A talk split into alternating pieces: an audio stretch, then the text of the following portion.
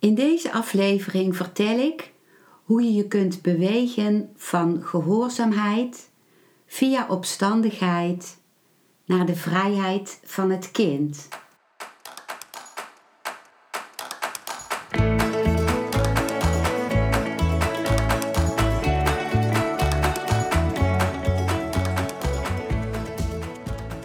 Welkom bij een nieuwe aflevering van Modita's podcast Van Pijn naar Zijn. De podcast waarin ik je meeneem voorbij de pijn in je leven naar wie je diep van binnen bent. Hoe kun je beter omgaan met je gevoelens? Hoe vind je rust in je hoofd? Wat zit er precies achter je pijn? En vooral, hoe kun je steeds meer jezelf zijn?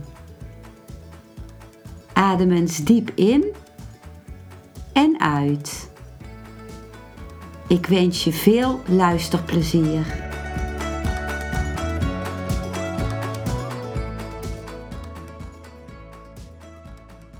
Ik lees eerst een stuk voor uit mijn boek Depressie, een opstap naar geluk.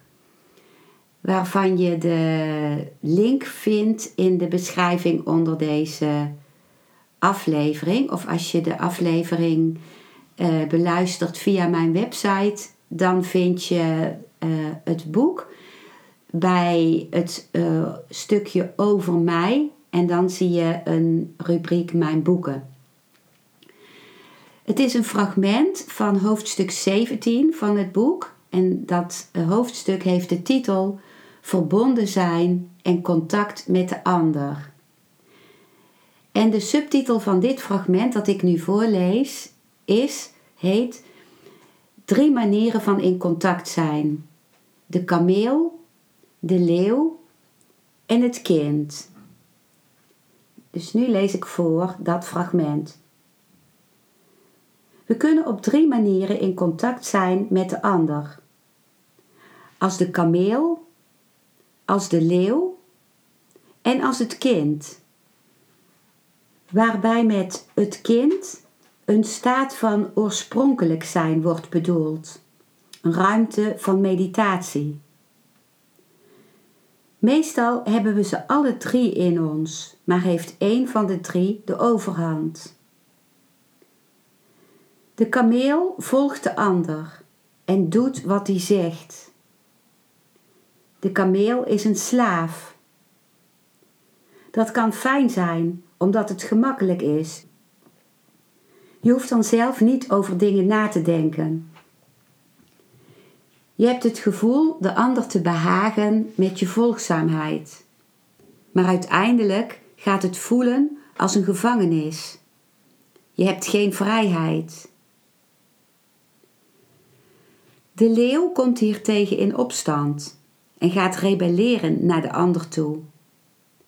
Hij gaat juist niet doen wat hij zegt, of juist het tegenovergestelde. Dat is wat meer vrijgevochten dan de kameel.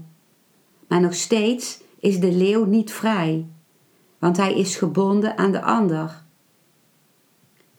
Hij maakt zijn keuzes niet uit vrije wil, maar zijn keuzes zijn alleen gericht op het doen van iets wat de ander juist niet wil, of wat tegengesteld is aan diens opvattingen. Hij zegt nee om daarmee een identiteit te hebben. Het kind reageert vanuit zichzelf, vanuit vrijheid.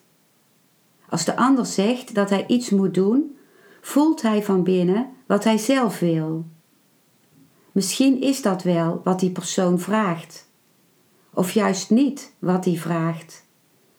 En er is ook nog de mogelijkheid om iets te doen wat helemaal niets te maken heeft met wat de ander gevraagd heeft. Het kind is de ruimte van meditatie. Het is de meest onzekere positie van de drie. Je bent hierin alleen helemaal op jezelf aangewezen. Je krijgt geen aandacht meer.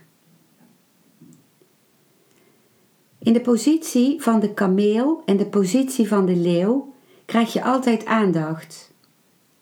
Je verzekert je ervan dat de ander er is. Ofwel door hem of haar te volgen, de kameel, ofwel door tegen die persoon te vechten, de leeuw. We volgen vaak niet onze eigen energie omdat we willen dat anderen van ons houden. De vraag is dus of je bereid bent om alleen te zijn. Of je dingen echt vanuit je centrum doet. Of je volgt wat jou vreugde geeft in het leven. Dat roept vanzelfsprekend angst op. En het is zaak die angst niet te onderdrukken. In het begin is het heel donker. In het begin komt er niemand naar je toe. Wanneer je glimlacht, komt er niemand. Dat is heel donker. De enige weg is om niet te ontsnappen, om open te blijven en te kijken waar je naartoe gaat in het vinden van je originele licht. Dit is het werk. Je kunt jezelf hieraan herinneren door meditatie. In het, dit boek over depressie heb ik twee hoofdstukken opgenomen over meditatie. Alleen meditatie kan je in de ruimte van het kind brengen. Je kunt het niet praktiseren. Je kunt het niet acteren.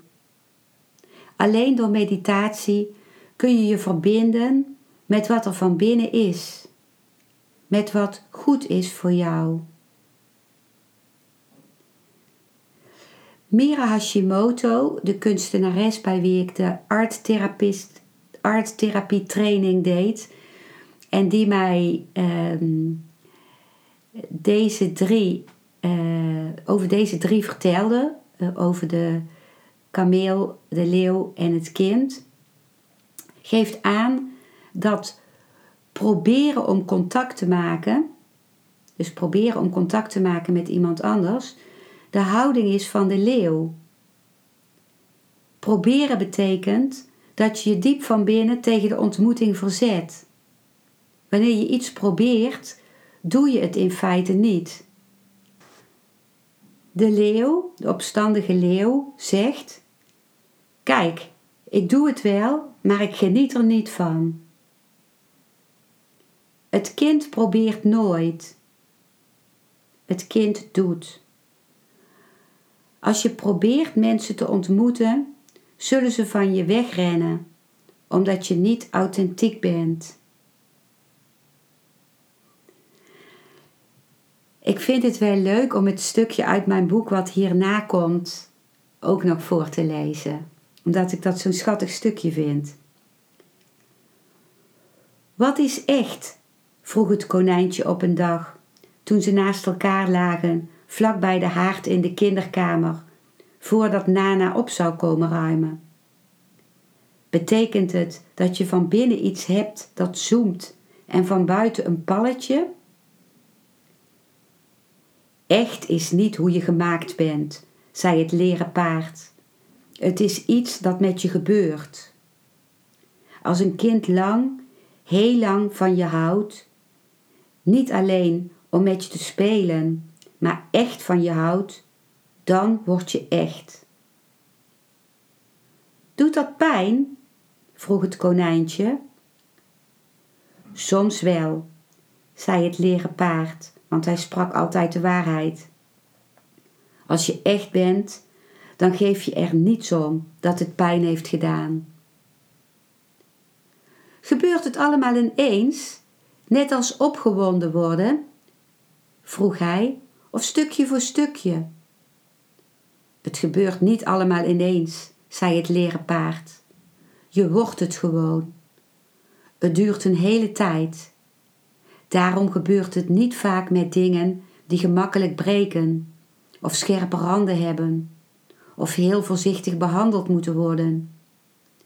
In het algemeen ben je tegen de tijd dat je echt wordt, meestal kaal geknuffeld en je ogen zijn eruit gevallen en je poten bengelen erbij en je ziet er haveloos uit. Maar dat geeft allemaal niets. Want als je eenmaal echt bent, ben je niet lelijk meer. Behalve voor mensen die het niet begrijpen. Dat was het stukje uit mijn boek Depressie, een opstap naar geluk. Nu licht ik iets toe van die drie, de kameel, de leeuw en het kind, uh, vanuit mijn eigen ervaring. Op de middelbare school en in mijn medicijnenstudie, dus de studie die ik deed om arts te worden, was ik echt een kameel. Ik, was, ik studeerde door continu alles in mijn hoofd te stampen, door alles van buiten te leren en ik nam alles klakkeloos aan wat, wat uh, opgeschreven stond in de boeken die ik moest leren. Ik vroeg me niet eens af, klopt dit wel of klopt het niet? Ik vroeg me ook niet af, uh, wil ik wel zoveel in mijn hoofd stampen of wil ik het niet? Doe ik precies wat nodig is om een examen te halen? Omdat ik dacht dat ik goed was en zou voldoen en een goede arts zou zijn als ik alles wat in die boeken stond uh, uh, wist. En met weten bedoelde ik dan dat ik het kon reproduceren. En daar begon iets in te rammelen in mijn derde studiejaar toen ik uh, een scriptie moest schrijven voor het vak psychologie. En die scriptie die schreef ik over de oorzaken van heroïneverslaving. En toen verzamelde ik allerlei boeken die over dat onderwerp gingen. In die tijd was er nog geen internet, dus was je afhankelijk van boeken die je kon verzamelen. En toen zag ik dat dingen die in het ene boek stonden, het dingen die in het andere boek stonden, tegenspraken. Dus toen was het pas voor het eerst dat ik dacht: oh, wat in een boek staat is niet per definitie waar of is niet per definitie de enige manier om tegen een onderwerp aan te kijken. Dus ik weet nog dat me dat uh, door elkaar schudden of door elkaar rammelde. Maar uh, ik wist ook dat het in mijn medicijnenstudie niet op prijs werd gesteld als je met een eigen idee kwam of een eigen invalshoek belichtte. Dus ik bleef toch uit angst om geen goede arts zijn, om, om, om geen goede punten te halen, bleef ik doorgaan met dat stampen met het van buiten leren, met het klakkeloos reproduceren van wat er in de boeken stond. Dus dat is de kameel. De kameel in mij die goed gevonden wilde worden door mijn professors, door mijn, ehm, ik denk deep down ook door mijn ouders. Terwijl mijn ouders wilden dat ik deed wat ik het liefste vanuit mijn hart wilde. Maar toch wilde ik laten zien dat ik uh, waar leverde voor het geld wat zij staken in mijn studie.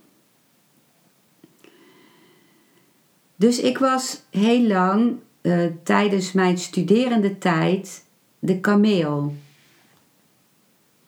Eén jaar voordat ik uh, af zou studeren, ik was toen al zeven jaar bezig met mijn medicijnenstudie um, inclusief de stages die ik liep. Toen voelde ik me zo slecht in mijn vel zitten dat ik uh, op dat moment uh, mijn studie heb onderbroken. En ik heb uh, diverse therapieën gedaan, waarbij ik heel veel aan mezelf gewerkt heb. En ik begon toen dingen vanuit een ander perspectief te zien door de, uh, de andere mensen die in mijn therapiegroep zaten, door naar hun verhalen te luisteren, door dieper inzicht te krijgen in mezelf. En ik werd toen veel kritischer. Ik zag toen ook dat de manier waarop ik uh, de stages liep in het ziekenhuis, dat ik veel te serieus bezig was. Alleen maar met ehm, kennis willen vergaren. En ik maakte nauwelijks contact met mijn studiegenoten, met de verpleegkundigen, met de andere artsen. Ehm, ik ging alles op een hele andere manier zien. En ik besloot om mijn uh, artsenstudie te vervolgen. Dat laatste jaar op een hele andere manier, in contact met anderen. En ik wilde ook de grote taboe die er in die tijd zeker nog was op het uh, hele gebeuren van psychische moeilijkheden hebben, wilde ik doorbreken. Dus ik kwam ook terug in het ziekenhuis en ik deelde daar ook met artsen van uh, waarom ik zo lang weg was geweest en dat ik uh, therapie had gedaan en aan mezelf had gewerkt. En wat er gebeurde was dat de artsen niets terugzeiden en zich omkeerden en wegliepen. Die wisten niet hoe ze daarmee om moesten gaan. En het was zelfs zo dat ik aanvankelijk mijn studie niet eens uh, af mocht maken. Terwijl ik ervoor ging staan dat ik daar gewoon recht op had. Omdat ik in contact was geweest voor mijzelf met de psychiatrie. En uh, ik, ging, ik werd toen de leeuw. Ik ging rebelleren. Ik ging uh, uh, me, me afzetten tegen dat uh, alles wat regulier was. Ik ging dingen op een andere manier doen. En natuurlijk kan ik dat doen, maar ik ging dat echt doen in de vorm van aanvechten van de bestaande methodes. En daarin was ik niet vrij, had ik niet de vrijheid om te kijken van, oh tegen die zeg ik dit wel, want die kan het begrijpen en dan doe ik mezelf geen pijn. En tegen die zeg ik dat niet. Of ik ging niet kijken van, wat is er überhaupt te veranderen en waarbij kan ik beter kijken, oké, dit is het bestaande systeem, daar kan ik in mijn eentje niks aan doen. En ik kijk hoe ik zelf kan bewegen met mijn mogelijkheden.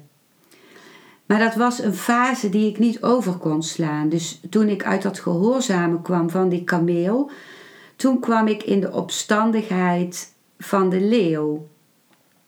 En ik wil niet zeggen dat de leeuw nooit goed kan zijn om ergens tegen in te gaan. Maar ehm, ik was in wat ik wel of niet deed te veel gebonden aan de ander in de zin van het me afzetten tegen de ander. En dat kan een patroon worden. En waar ik nu ben, is de positie van het kind. Het werk wat ik nu doe, is het werk wat ik echt doe vanuit mijn hart. Wat, wat ook in direct contact staat met de energie die ik had als kind. De energie van dingen organiseren, van nieuwe mogelijkheden bedenken. Het leuk vinden om, ehm, om een groep te leiden. Als kind organiseerde ik bijvoorbeeld een circus bij ons in de buurt. En ehm, had ik de leiding over alle andere kinderen die dan een nummer deden in dat circus. En ik was uh, de juffrouw als we schooltjes speelden. Ik was de dokter als we doktertjes speelden. Dus ik had eh, veel uh, plezier in het organiseren, in het werken met groepjes. En het werk wat ik nu doe, het, het kijken naar wat, wat is het wat iemand het dichtste bij zijn oorspronkelijke zelf brengt. En dat doe ik ook bij mezelf. En wat is iemands passie en hoe kan die helemaal uit de verf komen? Dat, dat doe ik nu op mijn eigen manier. En ik heb het niet meer nodig om dan te zeggen van, oh, ehm, de reguliere manier doet het zo en ik doe het zo. Ik hoef dat niet meer te vergelijken. Ik doe het, soms ben ik het ergens mee eens, wat in het reguliere circuit gebeurt. En ik integreer ook wat de waarde van wat artsen doen, wat er goed is aan de reguliere geneeskunde. Maar ik integreer ook wat ik, uh, wat, wat ik goed vind van andere disciplines. ik verwijs ook mensen naar een osteopaat als dat nodig is, of naar een, uh, uh, ja, ander, een haptotherapeut of een hypnotherapeut.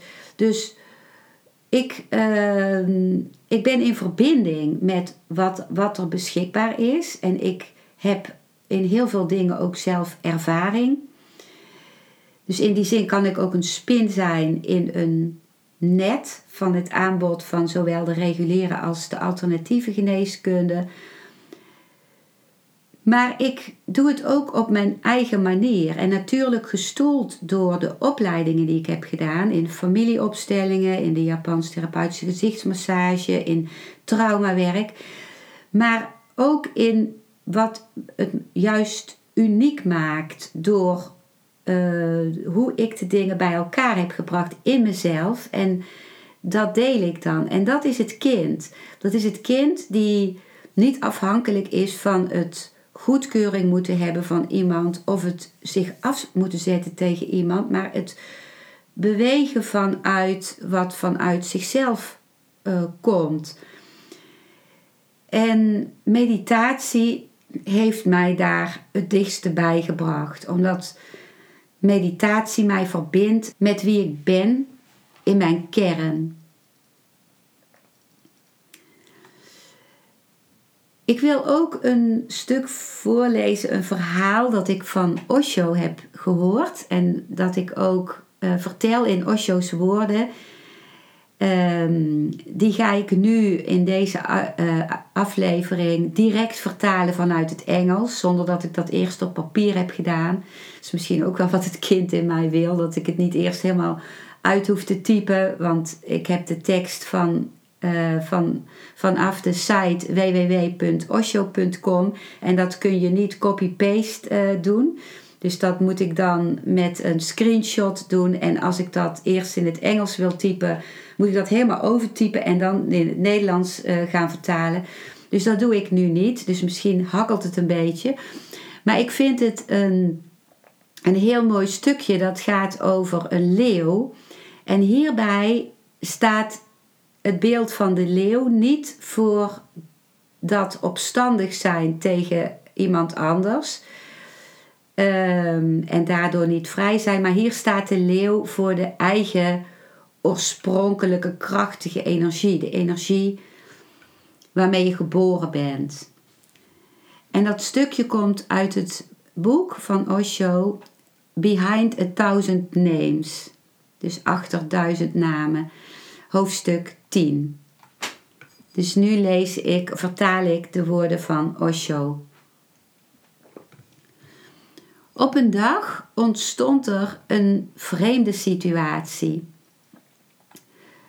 Een leeuw viel een kudde schapen aan.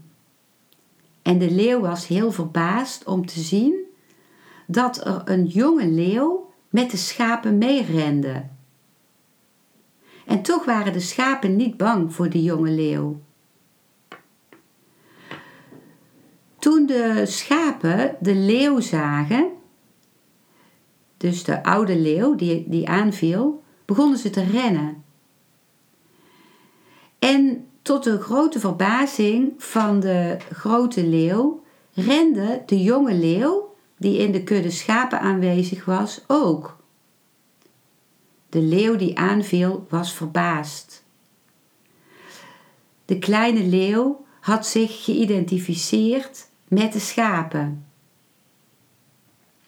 Zijn mind had de vorm van de mind van de schapen aangenomen, terwijl die jonge leeuw met die schapen was.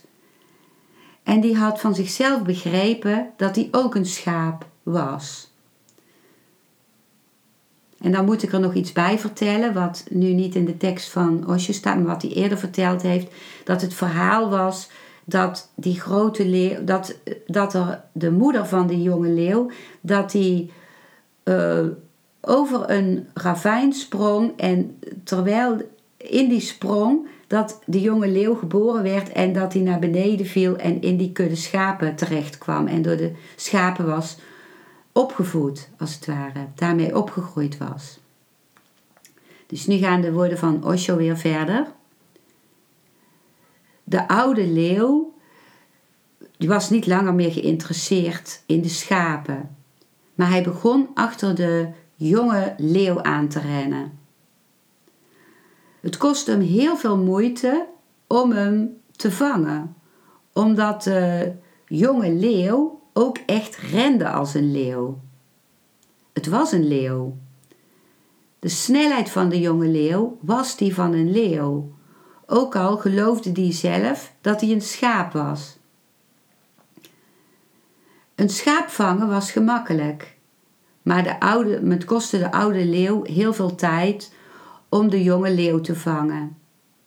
En, wanneer, en toen hij de jonge leeuw gevangen had, begon de jonge leeuw te blaten als een schaap. Hij had nooit geleerd hoe het was om te brullen als een leeuw. Die brul was ergens verborgen in zijn zijn, in de vorm van een zaadje. En dat zaadje was nog niet uitgekomen. Hij had geen ervaring in brullen als een leeuw. Hij had de capaciteit, maar hij had niet de ervaring van het brullen. Er was geen reden waarom hij niet zou kunnen brullen als hij zou willen, maar hij wist gewoon niet hoe hij het moest, moest doen. Zijn vermogen om te brullen was uh, vernietigd omdat hij zich geïdentificeerd had met de schapen. Hij had er zelfs nog nooit aan gedacht om te brullen. En wanneer die oude leeuw, toen die oude leeuw die, dat jonge leeuwtje had gevangen, toen boog dat jonge leeuwtje zijn hoofd en hij begon te blaten als een schaap en hij begon te huilen en hij vroeg om, uh, om genade van die grote leeuw. En de grote leeuw die vroeg: Wat is er met jou gebeurd? Je bent geen schaap. Het jonge leeuwtje zei: Je hebt het fout. Ik ben een schaap. De oude leeuw die probeerde om de situatie uit te leggen, maar dat hielp niet. Hoe meer die het probeerde, hoe meer het leeuwschaapje, hoe banger dat werd. En het leeuwschaapje smeekte erom om, om vrijgelaten te worden. Het wilde geen kennis krijgen, het wilde alleen maar teruggaan naar zijn vrienden. Hij was bang om zonder zijn vrienden te zijn. Schapen die houden ervan om in een massa te leven, omdat het dan uh, een gevoel geeft van veiligheid. Een leeuw kan alleen leven. Een schaap voelt zich veilig en zonder angst als hij zijn vrienden ziet, zijn familie, zijn vrouw, zijn kinderen, als hij die allemaal samen ziet. En als je geen vertrouwen hebt in jezelf, dan vertrouw je de massa. Dan zul je voelen dat de massa je redding is. Een leeuw kan alleen leven, maar eerst moet hij weten dat het een leeuw is. Een leeuw kan niet leven in de massa. Toen de grote leeuw zag dat, de, dat wat hij probeerde uit te leggen, dat dat uh, geen enkel effect had, trok hij het leeuwschaapje met zich mee en dat leeuwschaapje dat stond toe dat, dat hij meegetrokken werd.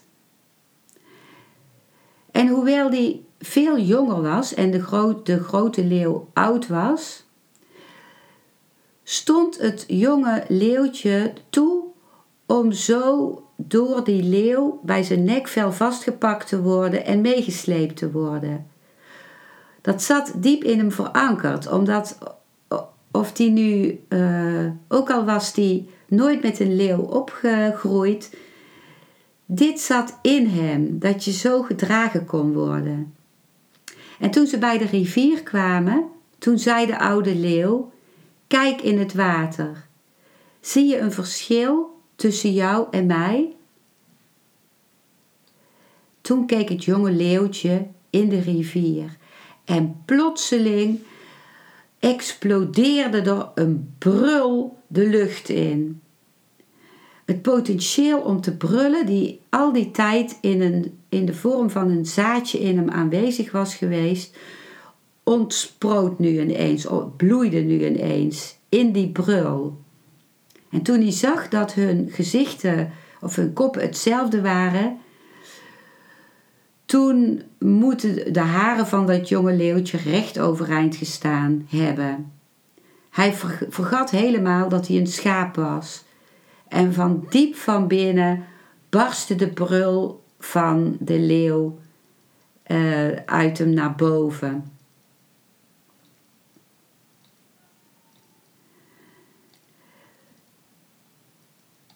Dus uh, voor die leeuw was, er niet zoveel, was het niet zo moeilijk om te herkennen dat hij een leeuw was op dat moment. Het was alleen maar nodig om te laten zien in de weerspiegeling van de rivier dat zijn gezicht hetzelfde was als die van de grote leeuw.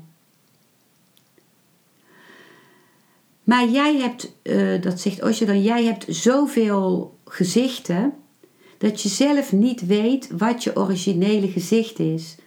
Als jij in de rivier kijkt, zul je alleen het masker zien dat je draagt. Zul je dat op dat moment alleen dat masker zien. En je hebt een hele grote verzameling van maskers. Al die identificaties moeten gebroken worden, moeten verbroken worden. Al die maskers moeten verwijderd worden, zodat het echte zijn dat achter al die maskers uh, aanwezig is, dat het gekend kan worden.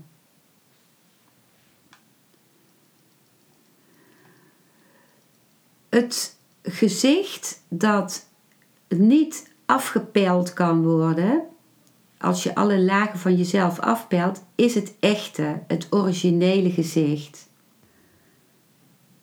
Dit waren de woorden van Osho, het verhaal van de leeuw, het leeuwtje dat dacht dat hij een schaap was.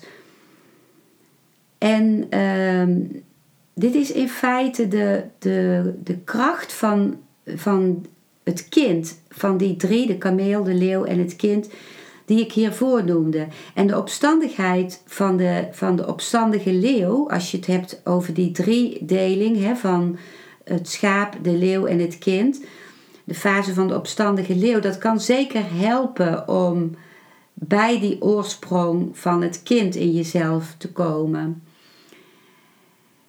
En het kind in jezelf is eigenlijk de, dat is de oorspronkelijke energie, de energie waarmee je geboren bent. De energie toen je nog helemaal niet wist wie je zou moeten zijn van de maatschappij of van je ouders of van je leraren. Toen je je nog niet vergeleken had met anderen, toen, toen je nog helemaal puur was. En wij moeten ons de regels van de maatschappij aanwenden eerst om te weten hoe we in de maatschappij moeten leven. En daarna is de kunst om opnieuw geboren te worden, om opnieuw onze weg terug te vinden naar dat uh, kind in onszelf, naar die oorspronkelijke energie van onszelf. En wat ik een heel mooi proces vind ook van ontwikkeld door de Oosterse mysticus Osho, is uh, de Osho Born Again. Dat is een proces van zeven dagen achter elkaar, twee uur per dag.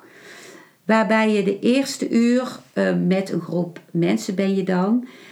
En iedereen volgt zijn impulsen van moment tot moment. Of je nu wil schreeuwen of rennen of in de hoek wil zitten met de duim in je mond of wil liggen of um, wat je ook maar wil doen van moment tot moment, wil doen of laten, dat volg je.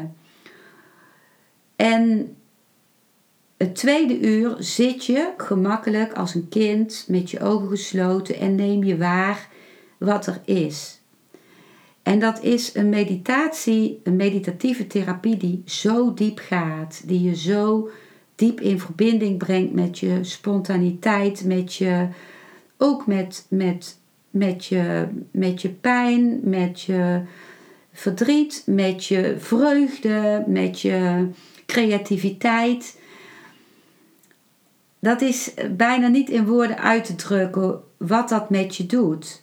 Uh, toen ik de Born Again deed, uh, ik, uh, ik heb dat ook diverse keren in Eindhoven gefaciliteerd, dat proces.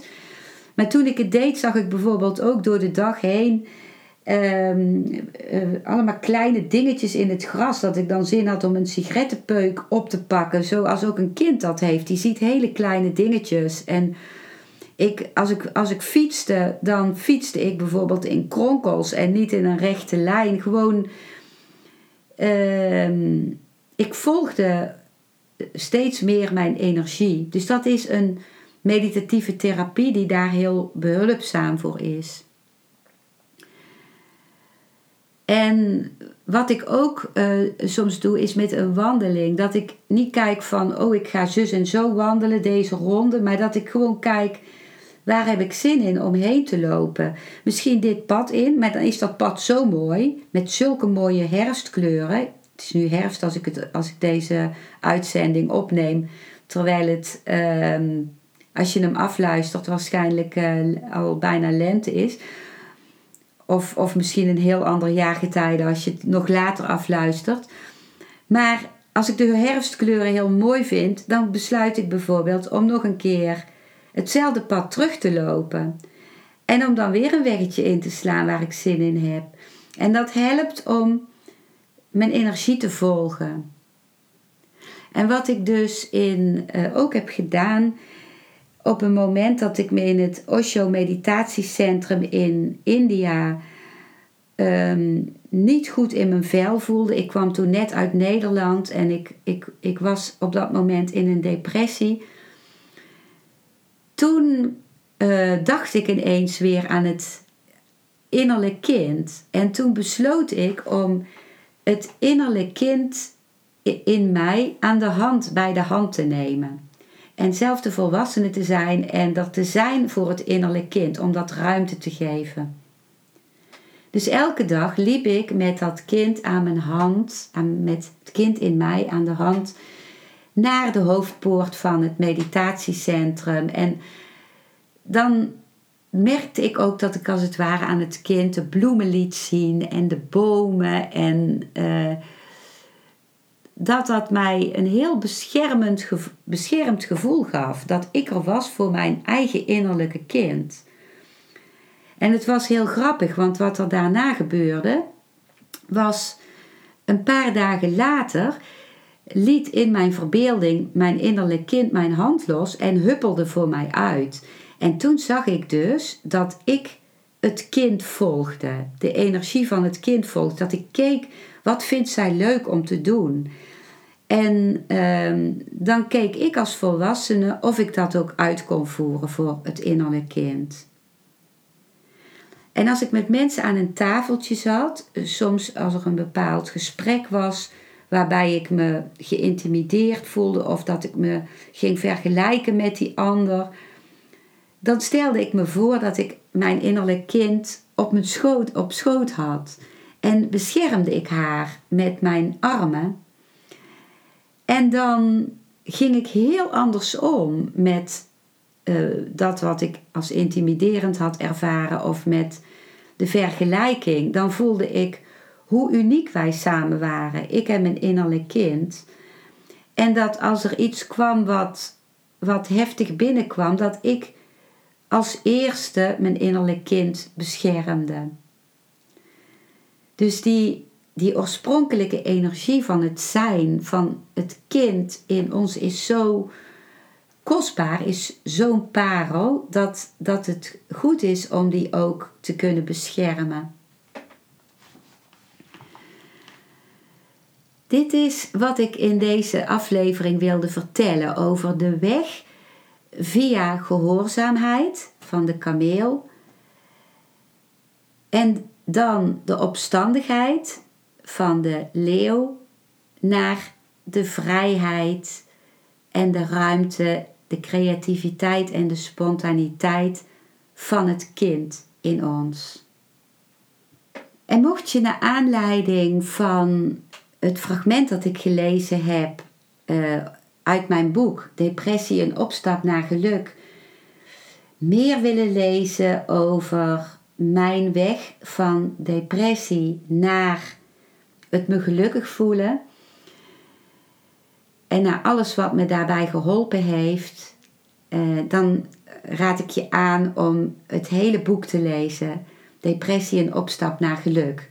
Dat ik, zoals ik zei, waarvan ik, dat ik uh, heb Ehm, beschreven hoe je dat kunt vinden in de link onder deze aflevering of die je kunt vinden op mijn website. Ik heb daarin ook mijn hele depressie-autobiografie opgenomen. En dat vinden heel veel mensen fijn, omdat ze daar ook herkenning vinden of raakvlakken met hun eigen leven vaak. Dankjewel voor het luisteren naar deze aflevering. Ik hoop dat hij je een nieuw inzicht of perspectief heeft gegeven. Ik hou van interactie, dus als je iets wilt delen, stuur me dan een mailtje op info@genietenvanmeditatie.nl. Ik geef je dan altijd antwoord. Ik wens jou dat je vreugde in het dagelijks leven zult ervaren en innerlijke rust en dat je steeds meer je pijn zult kunnen omvormen in zijn. Je kunt de afleveringen van deze podcast volgen via Spotify, Google Podcast, Apple Podcast en Podbean door op de volg- of abonneerknop te klikken. Als je luistert via de Apple Podcast, dat kan alleen als je een iPhone hebt, heb je een extra voordeel omdat als je op de knop abonneren klikt, je steeds een berichtje op je mobiele telefoon ontvangt als er weer een volgende aflevering van mijn podcast verschijnt. Je bent van harte welkom bij die volgende aflevering.